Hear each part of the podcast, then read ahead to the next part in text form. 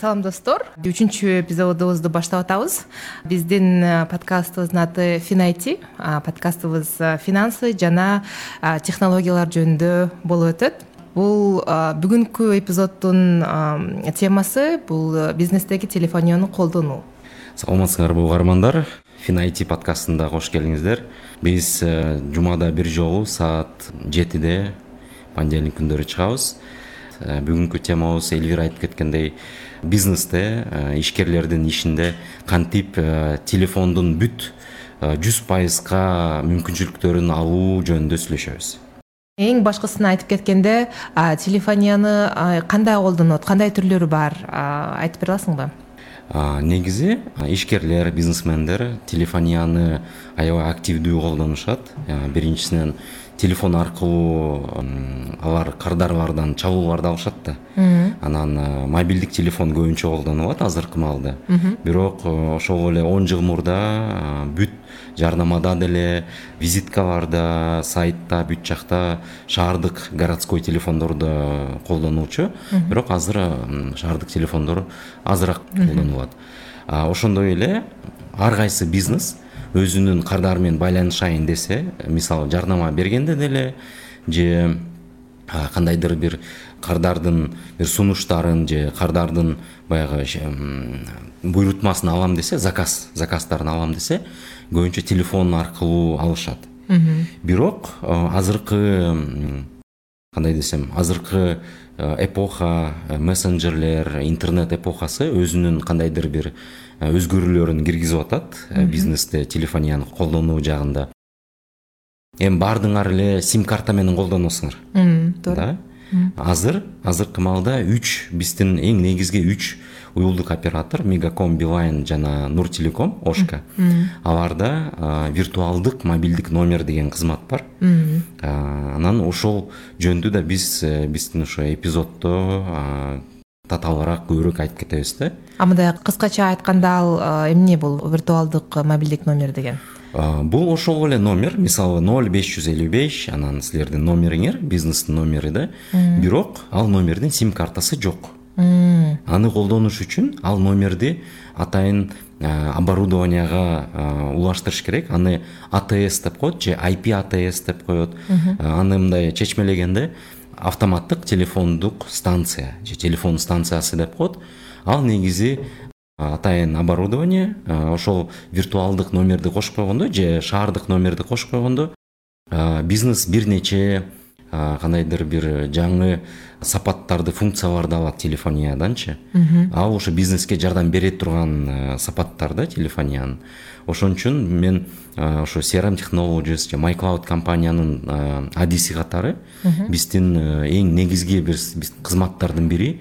Ошол ip атстерди биздин кардарларга орнотуу аны жасалгалоо настройка жасоо жана ошондой эле интеграция кылуу анткени ip атсти колдонгондо ар кайсы бизнес же организация көптөгөн кандайдыр десем бир преимущество кандай бир жаңы күчтүү бир сапаттарга ээ болуп калат бизнес. Ошол жөнүндө да бүгүн айтып кетебиз андай. Түшүнүктүү. Бул виртуальный номерге номерго башка үч мобилдик провайдерди кошуп койсо болобу же бир номерден эле кошсо болобу негизи эгерде ошо ишканада бизнесте ip атс бар болсо ip атске канча номер кошкуң келсе ошончону кошсо болот виртуалдык номердичи бирок негизи биз биздин кардарларга үч номер кошконго сунуш кылабыз. Бир номер бир сотовый оператордо экинчисинен анан үчүнчүсүнөн. Анткени азыркы маалга чейин кардарлар алар силердин бизнеске же брендке чалайын дегенде алар номерди карайт. Аха менде мегаком же сенде билайн же ошка э? Эгерде ошол номерлер болсо ошол номерге өзүнүн сим картасынан чалат. Анткени азыраак акча кетирейин деп өзүнүн сотовый операторундагы виртуалдык номерге чалат да. Ошон үчүн биринчи сунуш эгерде силер ишкер болсоңор үч номер тең үч уюлдук оператордон номер болуш керек. Туура айтасың. Ошондо эмки суроо бул кандай телефония провайдерлери бар? Негизи уюлдук провайдер дегенде бул ошо үчөө эле. Андан тышкары шаардык номер провайдерлер булар эми монополист десек деле болот эң чоң провайдер бул кыргыз телеком. Айтор жакшы бир жаңылык эгерде силер бизнесиңерде кыргыз телеком номери колдонулса анан ошол номерлерди ip атске кошобуз десеңер кыргыз телекомдо виртуалдык шаардык номерлер пайда болду. Аларга кайрылып виртуалдык номерди кошуп койсоңор болот. Бул аябай жакшы нерсе анткени буга чейин эгерде шаардык номерди кошом десеңер ip атске ip атстин алдына өзүнчө войп оборудование деп коет өзүнчө бир шлюздарды коюш керек болчу ошол үчүн азыркы маалда кыргыз телеком номери бар болсо аны түздөн түз эле ip атске кошсок болот. Эми биз ушу эфирдин уже он минут ip атс жана ip атс деп атабыз. Мен ошону чечмелеп кетейин э. Ip атс деген эмне деп э? Ip атс бул кандай мындай жөнөкөй айтканда бул коммутатор. Чалуулардын коммутатору. Мисалы силердин компанияда беш номер бар деп коелук үч мобилдик номер бир номерден ар кайсы уюлдук оператордон. Анан мурунку силердин офисте колдонулган эле шаардык кыргыз телекомдун эки номери бар. Ip атс анын эң биринчи функциялары ошо виртуалдык номерлердин көп каналдуулук деп коет же многоканальность деп коет. Мисалы силерде мегакомдун бир виртуалдык номери бар. Ошону алганда эгерде ал симка түрүндө болсо вот элестет сенде өзүңдүн мобилдик номериң бар сен бир бизнес ачтың анан ии мен азыр толтура акча зарабатывать этем реклама берем дейсиң рекламаны бересиң инстаграмдан бердиң фейсбуктан ошол номериң бүт жакта чыгып атат сенин потенциалдуу кардарларың сага чалып баштайт ошол номериңе ал номер смартфондо салынып турат же телефондо эгерде бир маалда эки адам же үч адам же беш адам чалса реклама ушунчалык жакшы болсо сенин номериңе сим картаңа бир эле чалуу келет. Калган үч же төрт чалуу алар баягы занято деп коет дозвон болбойт да. Анан ошентип биз ошо биздин э, керектүү клиентибизди жогото аласың. Анткени анын мындай жаман сапаттары ошол недозвон болгондочу жалаң гана жоготуу эмес. Биринчисинен сен рекламага жарнамага кетирген акчаң текке кетип атат. Экинчисинен кардарга жаман ойдо калып атасың. Анткени ал сенин жарнамаңды көрүп чалат чалса телефон занят анан ии буга чалсаң жооп бербейт деп кийин чалгысы келбейт сендей компанияга брендке. Үчүнчүсүнөн сен бизнес катары сен билбей каласың сага ким чалып атат канча адам чалып атат. Сенин рекламаң канчалык эффективдүү болуп атканын билбей каласың үч чоң минусу бар да сенде номер ip атске киргизилбеген болсо а эгерде ошол эле ситуацияны ip атс бар деп коелук мен баягы айтып кеткендей эле ip атс бул чалуулардын коммутатору да. Ошондо Э, мегакомдун же билайндын же ошканын үчөөбү тең деп коелук үч үч номер сенин ip атсиңе кошулду виртуалдуу түрүндө. Ар кайсы уюлдук оператордон сен бир номерди аласың бир номерге э, үстүнө беш э, канал аласың. Канал деген бул бир заматта канча адам сага чалуу жасай алат сенин бизнесиңе. Элестет эми сен бизнести жакшы жасайлы көбүрөөк кардар тартабыз деп рекламага эми жүз беш жүз миң доллар он миң доллар кетирип атсаң анан сага кардарларың чалып баштаса бир моментте сенде үч номер да үч номер ар кайсысында беш бир моментте келе турган чалуу бар ошондо виртуалдык номердечи многоканальность болуп калды да анда элестете бер сенин ip атсиңе бир моментте он беш чалуу келе алат ошондо он беш кардардын чалуусун силер сенин бизнесиңдеги баягы сатуучулар продажниктер трубканы көтөрүп жооп бере алат да сонун экен бул ушу ip атстын бир эле э, функциясы да. Эми дагы экөө үчөө эң негизгилерин айтып кетебиз кийинчерээк азыр башка суроолорго өтө берейик э анда эмки суроом бул э, ошол мессенджерлерде чалуулардан кандай айырмасы бар? Азыр азыркы маалда мессенджерлер telegram whatsapp даже инстаграмда деле чалуулар пайда болуп калды да. Мен өзүм ошо ip атс э, телефонизация тармагында адис болгону менен биз аябай ошол чалуулар ip атстын ичине качан кирип калат деп ошол убакытты деле күтөбүз да аябайчы. Анткени көп адам азыр ошо мессенджер аркылуу эле чалганга көнүп калышты бири бирине мисалы сен өзүң курдаштарың менен деле whatsapp аркылуу деле чалат болушуң керек. Мындай кадимки номерге чалбайчы. Бул чоң мындай аябай орчундуу тенденция. Азыркы маалда телефония тармагында көптөгөн уюлдук операторлорго бул аябай чоң көйгөй. Анткени алардын бизнес модели мындай да. Балансты толтурасың симканы анан ошол балансты кетиресиң өзүң башка симкага чалып.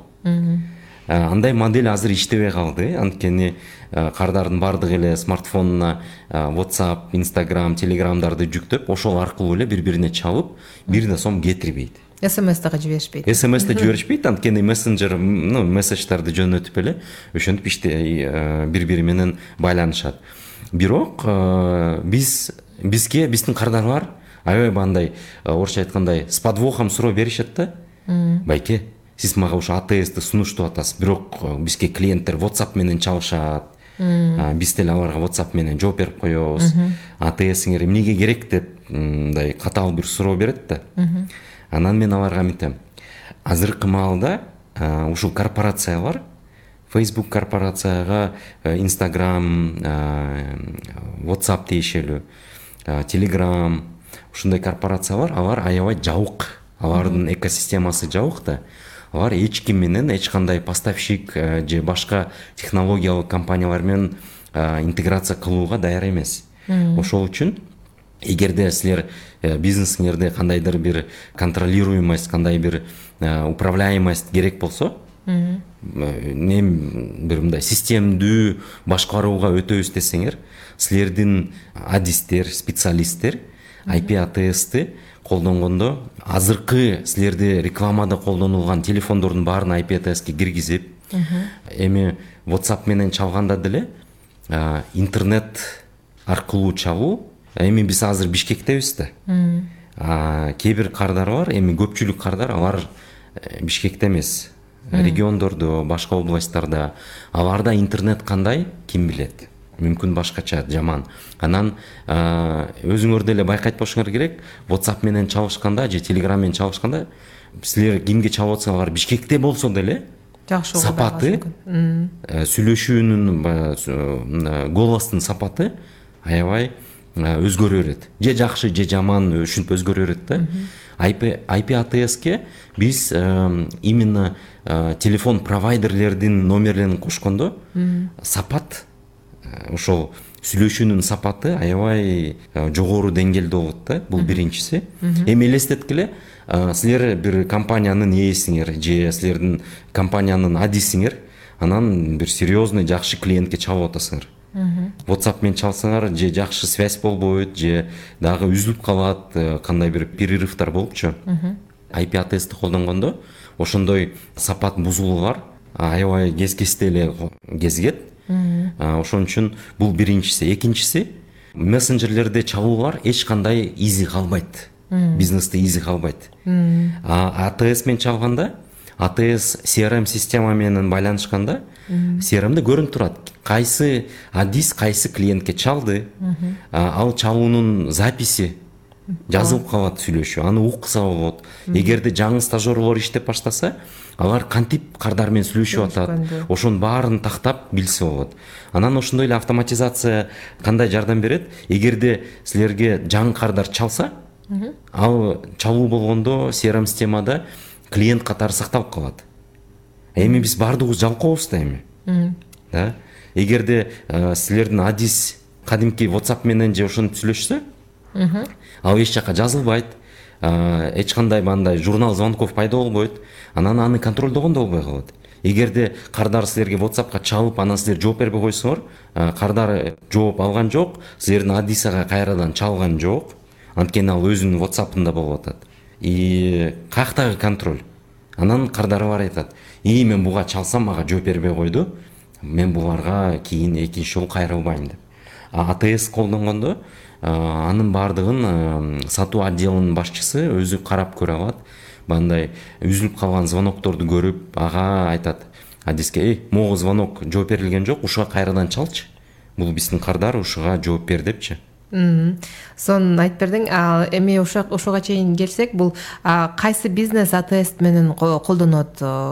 Кандай бир э, примерлериң барбы менин оюмча ар кайсы эле бизнеске атс керектүү анткени эгерде алар өздөрүнүн кардарлары менен иштешсе атс ага жардам берет да. Бирок эң мындай аябай көп чалуу болгон баягындай масс маркет деп коет эмеспи? Бул банктар страховой компаниялар торговый компаниялар жана кызмат көрсөтө турган консалтинг юридический компания логистический компания. Ошондой сыяктуу компаниялар алар көбүрөөк колдонушат. Анткени аларда чалуулардын көлөмү көбүрөөк аларга автоматизациянын керектүүсү биз байкагандай мындай көп жардам берет да. Түшүнүктүү. Анын ушул атстин негизги функциялары кайсылар?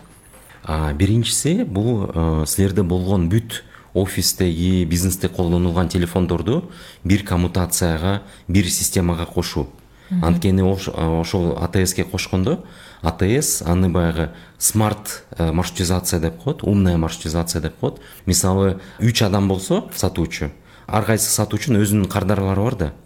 Кардар кайсы номерге чалбасын эгерде кардардын номери көрүнсө атс ошол номерин көрөт. Анан э, системага кирип карайт бул номер кайсы кардарга тиешелүү экен ошону көрүп туруп керектүү менеджерге звонокту өзү жиберип коет. Биринчиси. Экинчиси бүт чалуулардын жазуусу. Контроль бүт звоноктор жазылат. Анын эки негизги колдонуусу бар. Биринчиси бул сапат текшерүү. Экинчиси эгерде унутуп койсоң эмне жөнүндө сүйлөшкөнүңдү. Өзүң эле ошол разговорду ачып плейге коюп угуп эмне жөнүндө сүйлөштүк кандайдыр бир договоренностьтер болгонду алып чыкса болот. Андан тышкары бул статистика. Көрүп турса болот канча чалуу кайсы номерге келди? Мисалы үч номер болсо үч сотовый оператордон көрүнөт. Мегакомго канча звонок келди билайнга канча келди ошко канча келди? Анан силер ошол номерлерди рекламаны бергенде ар кандай номерлерди ар кандай ошо жарнама площадкаларына орнотсоңор мисалы бир номерди фейсбукка орнотосуңар бир номерди инстаграмга үчүнчү номерди э, шаардын ичиндеги баягындай э, щиттерге билбордтарга төртүнчү номерди мисалы телевидениедеги бегущий строкага орнотуп койсоңор атс ошону көрсөтөт. Кайсы рекламадан канча чалуу келди анан кайсы чалуулар более эффективный болгон. Андан тышкары интеграция. Бул эң менин оюмча мен муну эң аягында айтып атам бирок көбүнчө ушул жөнүндө көп сурашат да биздин кардарлар бүт атсте эмне болуп атканын баардыгы crm системага келет. Кардарды жаңы кардарды создавать этет crm системадан. Записьтерди ошол жака ташып келет журнал звонков көрсөтөт. Анан жанагы календарда да көрүнүп турат ким канча чалуу алды? Кайсы звонокторго жооп берди? Кайсыга жооп берген жок? Эми чалуу менен биздин адистер кандай иштеп атат? Жанагы отдел продаж кандай иштеп атат? Жакшы иштеп атабы жаман иштеп атабы? Ошонун баарын ачыкка чыгарат да. Интеграция кылгандачы ошон үчүн ушул касиеттери үчүн биздин кардарлар бизге кайрылышып виртуалдык атсты алат ай сайын төлөнө турган же аппараттык атсты алат э, өзүнүн офисине кое турган атстерди. Түшүнүктүү. Ал эми атс жана колл центрдин айырмасы барбы? Же бул э, бир эле нерсе биз азыр атс жөнүндө бир аз айтып кеттик. Колл центр же контакт центр жөнүндө айтып кетейин. Биздин кардарлар ушул эки терминди көбүнчө чаташтырып жиберет да. Бизге колл центр деп керек деп келишет. Анан биз анын тактап суроолорду берсек аларга атс керек экен да. Колл центр менен атстин айырмасы колл центр бул көп бир маалда көп э, чалуу келе турган ошол чалууларды обработка жасай турган отдел өзүнчө. Бул сатуу отделу эмес. Анткени колл центрге жөн эле ошо звонокторду жооп бергенден тышкары алар колл центр деген эми бул атстын тышкары бир э, информационный система колдонулат да. Ал жерде автоматтык э, иш оруну бар. Анткени э, колл центрге чалуу келгенде колл центрдин компьютеринде оператордун экранында өзүнчө карточка чыгат ал карточкада бүт маалымат клиент жөнүндө маалымат жанагы эмне сатып алайын деп атат кайсы товар керек ошонун баардыгы жөнүндө өзүнчө бир диалоговый сценарий катары чыгып алардын функциясы көптөгөн чалууларды жооп берип же көптөгөн исходящий звонок деп коет. Когда оператор кардарга чалганда ошондой функцияларды аткара турган өзүнчө отдел же бизнес. Атс болсо атс көбүнчө сатуу отделинде колдонулат жана компаниянын ичинде колдонулат. Атсте чалуулар азыраак болот. А бирок биз ошол атске бул контакт центр жана колл центрди эле киргизип койсок болот да же ал ичинде кирбейби? Анткени мисалы биздин компанияда мындай үч кадам бар да. Бул биринчи ошол суппорт деп коет. Бул техническая поддержка. Андан ары success деп коет. Ал ошол кардарлар менен сүйлөшкөн кээ бирде фейс ту фейс деле жолугушуп сүйлөшкөн биздин адистерибиз. Андан ары бул сейлс продажники да. Ошолор баарынын номерлери бар. Э, бирок эң биринчи ошол суппортко келет тех поддержкага анан кийин эгерде бул жаңы кардар болсо мен силердин э, компанияңардын ошо сервистерин мен колдоном деп э, келсе сейлске сейлске жөнөтөт а сейлс э, баарын айтып берип анан кийин контракттарды түзгөндөн кийин success success менеджер деп коет. Ошо success менеджер баардык ушул продукт жөнүндө айтып берип киргизип колдонгонду эң башынан үйрөтөт да. Анан эгерде ошол биздин кардардын суроолору дагы пайда болсо алар кайра ошо суппортко бул техподдержкага келет да.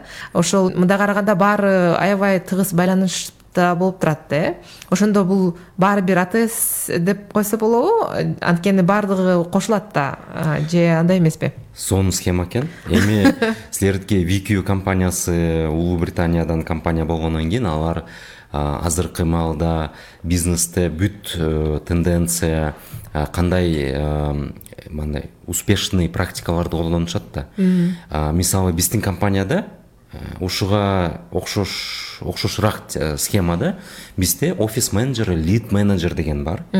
Ал бизге келген crm technologiesка же mycloudка келген чалуулардын баардыгын биринчиден жооп берет. Анан ошо телефонго жооп бергенде сурайт. Саламатсызбы сиз кайсы компаниядан чалып атасыз? Кандай суроо менен? Сизге кайсы биздин продукт кызык болуп атат? дейт. Ошону билгенден кийин ал кандайдыр бир первичный консультация берет. Crmге лид потенциальный клиентти жасап туруп ошол чалууну биздин отдел продажга берип коет.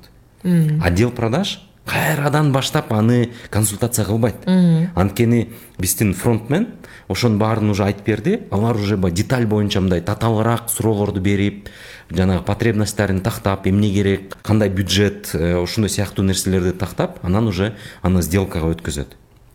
Көпчүлүк биздин кыргызстанда компаниялар колл центр ал өзүнчө иштейт отдел продаж өзүнчө иштейт бирок ал кандай десем кээ бир эле бизнестерде колдонулуп атат да. Мисалы колл центр эгерде алар өздөрү көрсө что чалуулар аябай көп болуп атат отдел продаж жетишпей жатат анда алар чалуунун баардыгын колл центрге берет не обязательно өзүнүн колл центри ал мүмкүн аутсорсинг колл центр аутсорсинг кандай десем электен өткүзүп суроолордун элегинен өткөзүп да аларды тактап эмне бул кардарга эмне керек кандай потребностьтер бар экен деп анан отдел продажга баягындай утепленный бир аз уже даярдалган кардарды өткөзүп берет да. Ошон үчүн кээ бир бизнестерге колл центр жана атс связкасы туура келет. Кээ бир бизнеске аларга көпчүлүк бизнеске атстин өзү эле жарайт. Анткени отдел продаж үч төрт адамдан турат. Мисалы же эки адамдан же бир адамдан турат. Бирок алар бизге звоноктун баардыгы келип канча звонок келсе ошонун баары бизге сакталсын. Баягындай журнал звонков пайда болсун. Эгерде биз ага жооп бергенге жетишпесек деле биз ошону кайрадан чалабыз деп колдонушат да. Бир кейс айтып берейин. Япон кухнясы бар бишкекте алар бизге кайрылышты. Мындай талап менен бизге атс коюп бериңиз. Биз негизи былтыр жаңы жылда жети жүз же сегиз жүз ошо жыйырма тогуз отуз отуз биринчи декабрда где то ошо миңге жакын чалуу алдык дейт. Алдык эмес чалуу келди дейт. Бирок ошонун арасынан үч жүзгө эле жооп бериптир. Калганын баардыгы пропущенный звонок болуптур. Аны кайдан билишти өзүнүн телефонунданбы же кадимки эле телефонго анан мен сурап атам анан ошол пропущенный менен бирдемке жасадыңарбы «Э, жок эчтеке кылган жокпуз дейт анан бизге кээ бирлер whatsappка же инстаграмга жазып атты дейт ошо чалгандар силер ушундай бир кандай десем эми шүмшүксүңөр биз силерге чалдык силерге суши заказ кылайын дедик бирок силер бизге кайрадан чалган жоксуңар биринчи январда деле экинчи январда деле биз эми экинчи январда деле заказ кылсак болот эле деп. Эмнеге эми ушундай ушундай жамансыңар деп кээ бирлер жазышыптыр да. Эми силер билесиңер да кардары бар алар негатив менен бөлүшкөндү көп каалабайт. Бирок негатив жүрөгүндө калат. Кээ бирлер эле негативди таратат э, он адамга таратат дегендейчи ошо да. Эгерде аларда IP атс болсо IP атсте бир сонун функция бар. Номерлерин ошол пропущенный звонокторду алып чыгып аларды обзвонщик деп коет. Робот да робот. Ошол сушиде иштеген эле бир мындай дикциясы жакшы бир официант же сотрудник менен эле бир голосовой сообщение жаздырып саламатсыңарбы здравствуйте вам звонят с мындай бир сушиден кечириңиз сиздин чалууңузга жооп бере алган жокпуз аябай көп чалуу болду. Эгерде заказ кылайын десеңер бизге азыр любой бир цифраны басыңыз. Баспасаңыз деле силер эгерде кайрылсаңыз биз сизге акысыз анан бир какой то бир ништякты айтып койсо болмок да эгерде кайрылсаңыз биз номерди сактап калдык э, сиз сиздин сурооңузга сиздин заказыңызга жооп бере алган жокпуз ушундай ушундай деп ошентип обзвон жөнөтүп койсо ошол канча там төрт жүз номергечи төрт жүз беш жүз номерге. Алар э, жооп берет да звонок келсечи жооп бербесе деле ал робот где то жарым сааттан кийин кайрадан чалып алат ал көрүп турат жооп бербегенинчи кайрадан чалганда жооп берсе ал угуп туруп бир цифраны басса операторго ну отдел продажга келип чыгат отдел заказовко ал көрөт а бул могудан чалып атат деп роботтон анан ошо буйрутмасын заказ кылып алар мүмкүн көбүрөөк сатмак да өзүнүн сушисин роллусунчу бул атстин ошо жөнөкөй эле функция. Биз азыр бир компанияга жасап бердик эми ал кандай? Ал мындай кылат да кардарларга чалат силер көптөн бери бизге заказ кылып алыптырыңыз э, кайрадан жасайсызбы? Могу цифраны любой цифраны бассаңыз э, биз сизге жооп беребиз анан заказыңызды кабыл алабыз деп. Кардарлар көп да эки үч миң. Алар э, жаңысы заказ кыла берет эскиси унутулуп калат. Анан ошентип аларды азыр азастан реактивация деп коет клиенттердин. Азастан ушинтип кардарларга чалып башташты жөн эле чалуулар эмес. Мындай смстер же болбосо whatsappка кирген смстер болот да э? Мисалы мен бир э, салонго барам маникюр педикюрга. Ошол жерден мага бир ай сайын келип турат. Сиздин э, маникюрга келген убактыңыз келди жаңыртыш керек деппи э, бүгүн келесизби? Же эртең келесизби? Жазылыңыз деп. Ошондой дагы бар э аны уже crm аркылуу кылышат да. Анткени смс емейлдер алар crm аркылуу кылат бирок мен мындай чын айтайын баягындай фантастик фильмдерде супер сила деп коет эмеспи бизнестин супер силасы бул атс менен crmдин тыгыз байланышы интеграциясы. Эгерде ошондой интеграциясы болсо көптөгөн э, ушу кардар менен иштей турган нерселерди жасаса болот түшүнүктүү биз боттор жөнүндө айтып кетелик дедик биз уже баштаганбыз жанагы смс ал ошол деле бот да э? Чалуулар деле боттор жасайт. Эгерде система өзү кардар менен адам менен кандайдыр бир мындай коммуникация кылса ал ошо ботко карайт да анткени бот бул кандайдыр бир маалыматты берет маалыматты алат анан ошол маалымат алган боюнча кандайдыр бир жооп берет да. Мисалы сен айтып кетпедиңби бир салондо ай сайын смс келет депчи. Алардын ошо crmинде кандай настройка болгон алар сен кайсы күнү салонго барганыңды ошо стрижка же кандай бир маникюр кылганыңды көрүп турат система ошого отуз күн кошот. Анан отуз күн болсо мисалы сен биринчи июнь биринчи майда барсаң алар биринчи июньда сага смс жөнөтөт.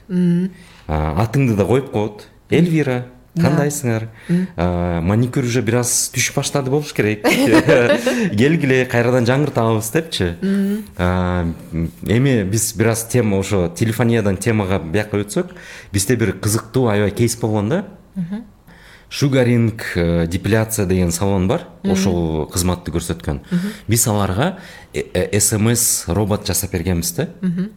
Кардар аларга келет.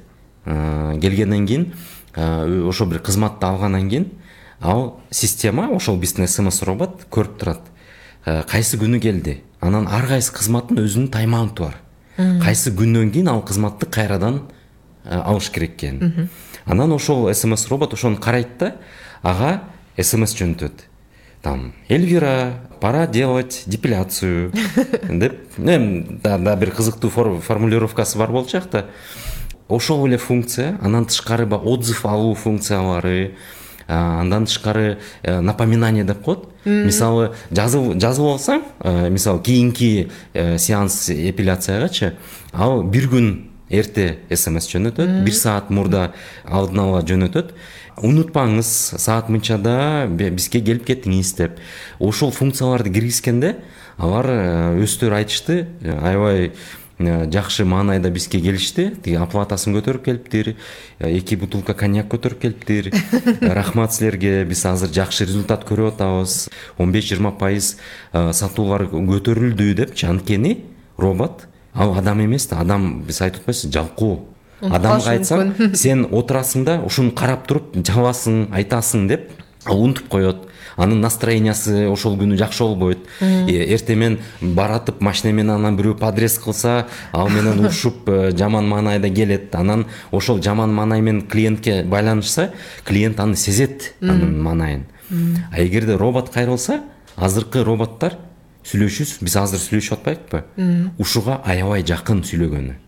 Ошон үчүн голосовой робот ip э, атст роботтор алар азыркы маалда бүгүн ушул жылы алар э, беш жыл мурда же он жыл мурда жасай албаган нерселерди жасайт. Мисалы робот өзү чалып сага айтат. Эльвира кандайсыз ал сен даже түшүнбөй калышың мүмкүн сага робот чалып атканын сен айтасың жакшы анан ал айтат бизге мындай салондон чалып атабыз сиз көптөн бери бизге келбептириңиз качан келесиз жазылбайсызбы азыр эгерде звездочканы бассаңыз мен сизди жазып коем деп да? Кайсы мастерге жазыласыз? Кайсы мастерге кайсы күнгө анан сен ага өзүң сөз менен эле айтасың. Кел анда онунчу июньда саат он бирге келем деп тиги марина деген же там айгүл деген мастерге ал айтат окей онунчу июньга он бирге айгүл деген мастерге макул эльвира жазып койдум рахмат деп ошенткөндөн кийин ал голосовой робот crmге айгүлгө онунчу июньга сага визитти жазып коет ошондой эле башка функциялар роботтор алар жөн эле чалышы мүмкүн. Эльвира унутпаңыз э, эртең саат ондо айгүлгө келиңиз стрижкага деп. Ушинтип напоминание кылат э, онлайн запись кылат. Эгерде мындай да болушу мүмкүн. Азыр кээ бир таксилерде колдонулат. Эгерде таксиге заказ кылсаң анан ага чалсаң ада автоответчик жооп берет да. Ал деле робот бирок баягы орусча айтканда тупой робот да. Аябай простой робот да. Ал мынтип э, уже жөн эле запись бар да голосовой. У вас есть заказ э, если вы хотите отменить заказ нажмите один. Если вы хотите связаться с оператором э, нажмите два депчи анан бирди бассаң ал кайрадан сага айтат ваш заказ отменен спасибо деп бул роботтун жанагы эгерде адамдын баягындай возрасттары менен айтсак бул үч жаштагы баланын роботу да?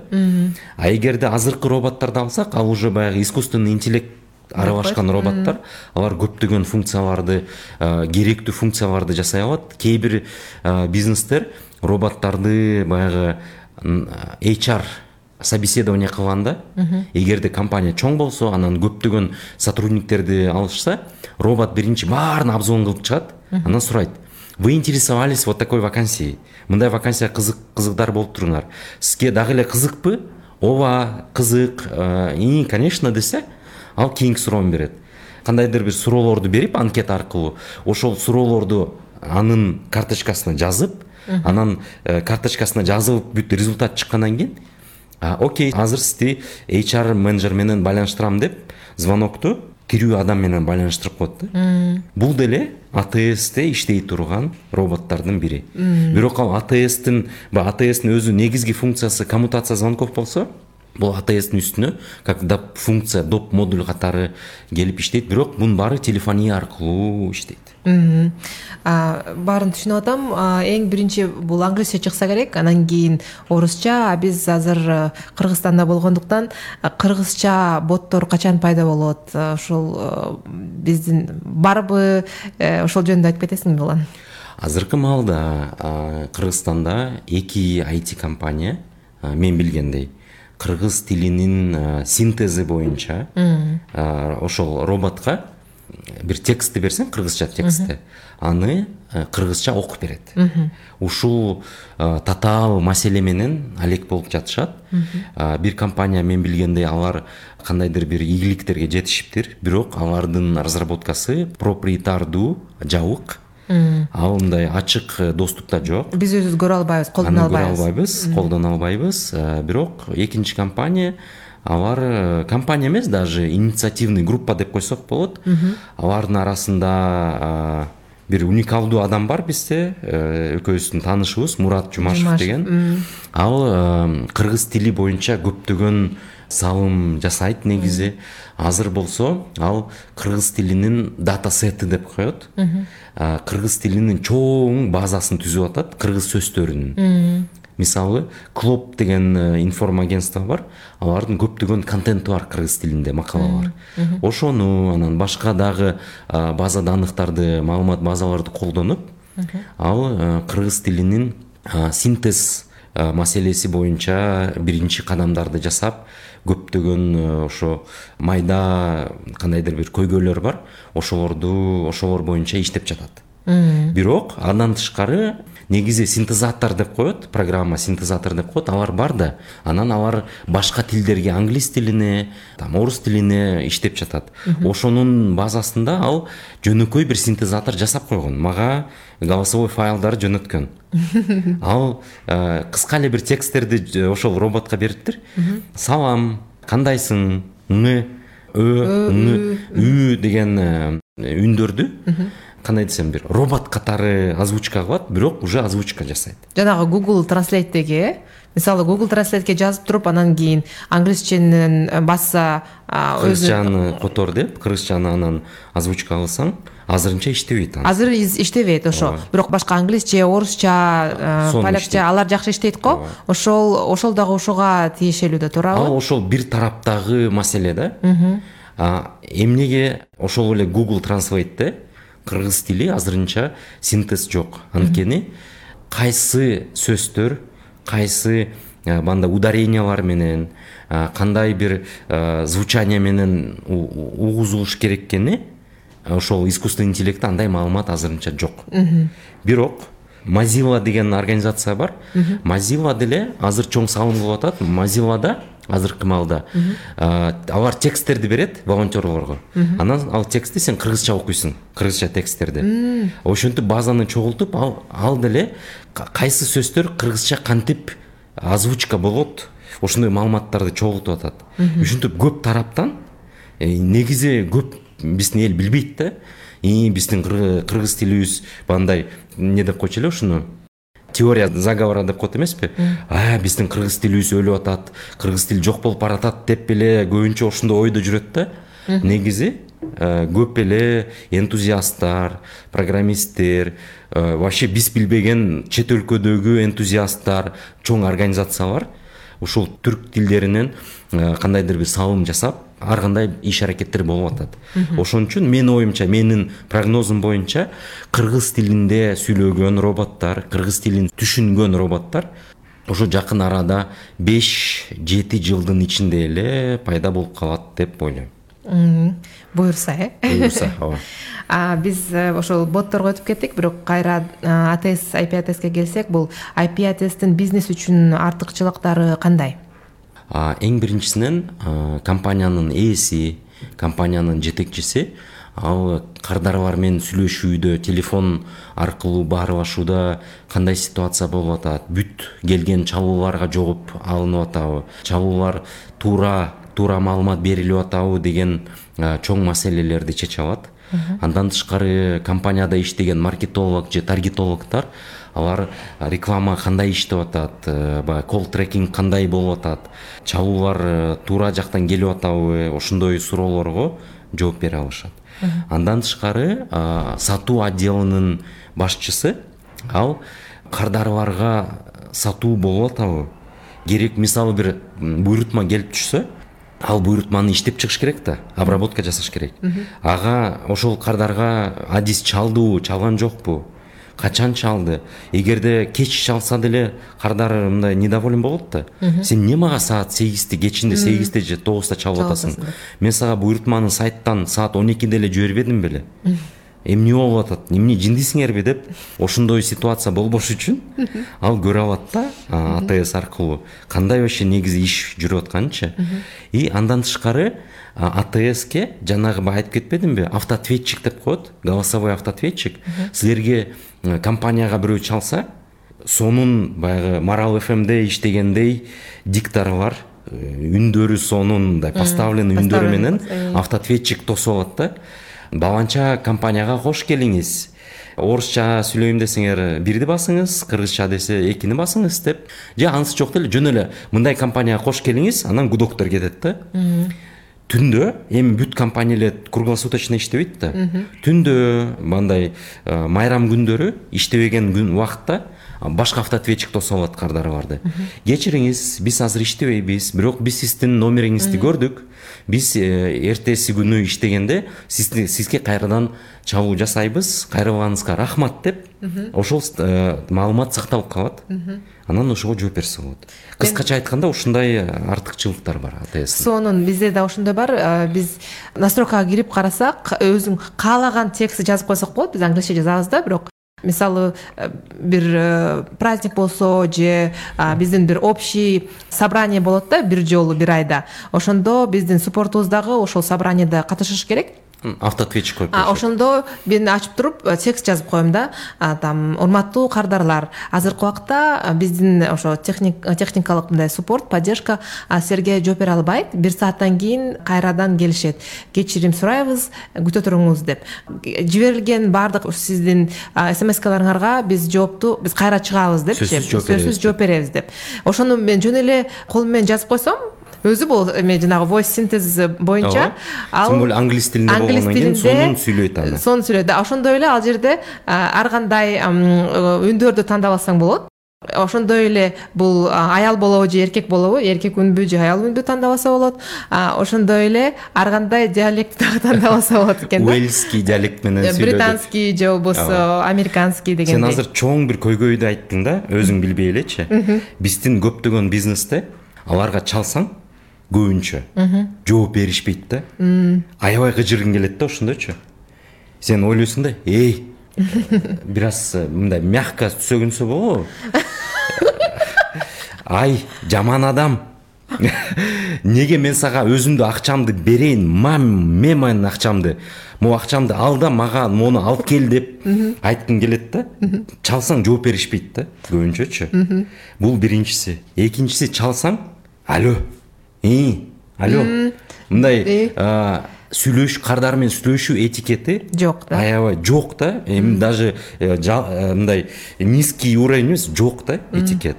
Андан тышкары эгерде чалып кийин кайрадан чалса сага анда деле э, такыр мындай жакшы сүйлөшпөйт да. Этот я в общем там тиги бул еще жулкуп сулкуп сүйлөйт да эгерде атс аркылуу бунун баардыгы болсо аны контролдойсуң да кантип сүйлөгөнүн? Аны үйрөтөсүң жакшы сүйлө сыйлуу сүйлө депчи. Ошон үчүн э, бул э, кандай десем баягындай боль да көпчүлүк кардарлардынчы атсы жок бизнеске чалгандачы.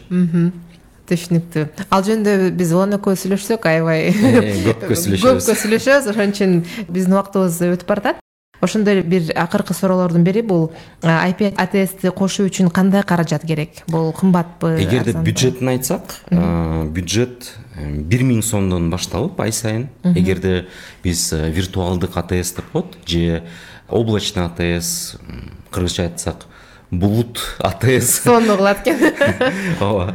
Анткени кээ бир бизнестер эми көпчүлүк бизнес алар кичине жана орто бизнес да алар атсты аппаратура оборудование сыяктуу өзүнө сатып алганда мүмкүн анын бюджети кымбат болуп калат да.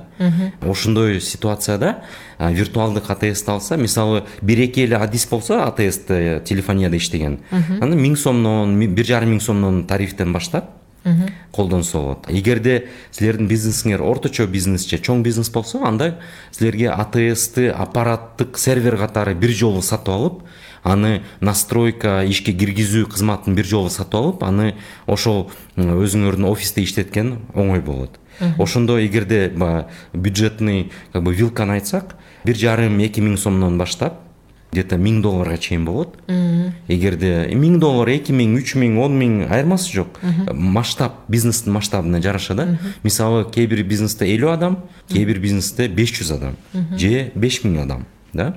Эгерде ошол адистердин баардыгына внутренний телефония керек болсо бири бири менен байланыша турган анда конечно чоңураак атс керек бюджети да чоңураак болот.